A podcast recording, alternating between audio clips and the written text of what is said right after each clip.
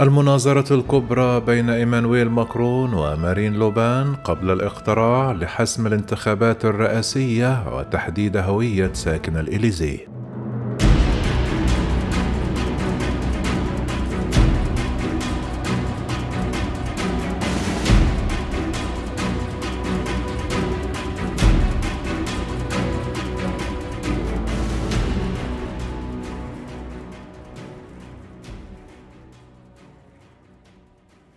بدأ الرئيس الفرنسي المنتهي ولايته إيمانويل ماكرون مساء الأربعاء مناظرة تلفزيونية مع منافسته في الانتخابات الرئاسية مارين لوبان في مسعى إلى استمالة أصوات الناخبين الذين سيقررون هوية ساكن الإليزيه خلال السنوات الخمس المقبلة. وفي مستهل المناظرة سئل المرشحان حول الأمر الذي يفترض أن يجعل الواحد منهما أفضل من الآخر في نظر الفرنسيين عندما يتوجهون إلى صناديق الاقتراع يوم الأحد المقبل.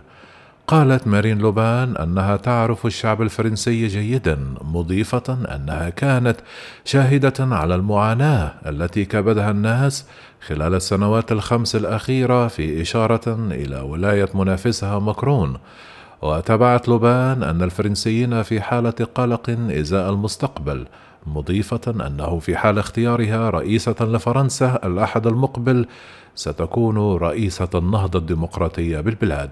وتعهدت مكروم بصوت السيادة والأمن والحرية قائلة إنها ستنكب على الملفات التي تهم الناس في حياتهم اليومية مثل القدرة الشرائية والصحة والعمل والمعرفة سأكون رئيسة العدالة والأخوة الوطنية والسلم الاجتماعي. من جانبه أشار مكرون إلى السياق الزمني الصعب لولايته متحدثا عن وباء كورونا غير المسبوق منذ قرن إضافة إلى عودة الحرب للقارة الأوروبية في إشارة لأزمة أوكرانيا القلق موجود في هذه الفترة وأضاف أنه عبر هذه الفترة العصيبة عبر اتخاذ القرارات المناسبة سأواصل القيام بذلك لأنني أعتقد أنه بوسعنا ومن الواجب علينا أن نجعل بلدنا أكثر استقلالا وقوة سواء عبر الاقتصاد والعمل والابتكار والثقافة. في سؤال ثان حول القدرة الشرائية والتضخم في فرنسا، انتقدت مارين لوبان أداء الرئيس ماكرون قائلة أن سياسته أثرت على الناس حتى باتت الأرقام تظهر أن سبعة من كل عشرة فرنسيين يؤكدون تراجع قدرتهم الشرائية منذ خمس سنوات وأشارت إلى الدور الذي لعبه فرض ضريبة الكربون. تعهدت لوبان بأن تحسن القدرة الشرائية للفرنسيين من خلال العمل على ثلاثة مستويات. أولها خفض الضرائب على نحو قالت أنه سيكون مستقرا مثل ضريبة القيمة المضافة المفروضة على الطاقة وبالتالي خفضها بالنسبة للبنزين والغاز. أما المستوى الثاني بحسب قولها فهو إعادة الاعتبار لثقافة العمل من خلال إيلاء عناية أكبر لمن يعملون في التدريس وتقديم الرعاية الصحية لأنهم لا يلقون معاملة جيدة فضلا عن دعم الطلبة الذين يدرسون.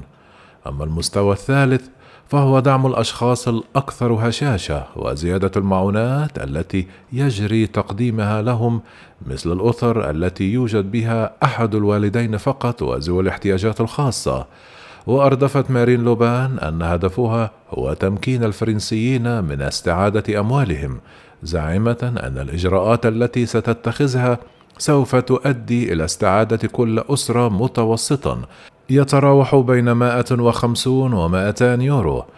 في المقابل قال ماكرون إن إجراء تسقيف أسعار الغاز والكهرباء أفضل بكثير مما تقترحه لوبان بشأن خفض ضريبة القيمة المضافة وهذا أكثر نجاحا بواقع مرتين. ودافع عن الإبقاء على هذا الإجراء ما دامت الأزمة قائمة وعندما تعود الأمور إلى مجاريها لن يتواصل هذا الدعم لأن الأولى هو تخصيص تلك الأموال من أجل دعم الأسر في نواح أخرى. كما انتقد إيمانويل ماكرون برنامج لوبان قائلا إنه لا يتطرق إلى البطالة مضيفا أن أفضل طريقة لاستعادة القدرة الشرائية هي العمل. مؤكدا خفض معدل البطالة بنقطتين متعهدا بزيادة الحد الأدنى للأجور بأربعة وثلاثون يورو في الشهر. كما أشار ماكرون إلى أن برنامجه يشمل أيضا زيادة المعاشات المتوسطة بستون يورو لأجل مواجهة التضخم الحاصل في الأسعار فضلا عن زيادة التعويضات في الوظائف الحكومية ذات الرواتب الأدنى. أما معاشات التقاعد الأدنى في فرنسا فتعهد ماكرون بأن يجري رفعها إلى 1100 يورو لمن أكملوا مسيرة مهنية كاملة. كما تصدر ماكرون الجولة الأولى في الانتخابات التي جرت في العاشر من إبريل كما أنه يتصدر استطلاعات الرأي بهامش يتراوح بين ثلاث وثلاثة عشر نقطة مئوية. لكن مارين لوبان التي تحسب على اليمين المتطرف والبالغة 53 عاما تمكنت من تضييق الفجوة بشكل كبير مقارنة بالانتخابات الرئاسية الأخيرة قبل خمس سنوات عندما خسرت بنسبة 34% من الأصوات مقابل 66% لإيمانويل ماكرون.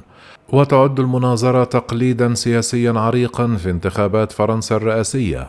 أعتاد الناخبون أن يتابعوا هذا النقاش الحامي منذ خمسة عقود. كانت آخر مناظرة في الانتخابات الرئاسية بفرنسا قد استطاعت أن تجذب 16.5 مليون مشاهدا فيما يقول متابعون أنها تلعب دورا بارزا في تحديد خيار الناخبين المترددين الذين لم يحسموا أمرهم حتى الآن.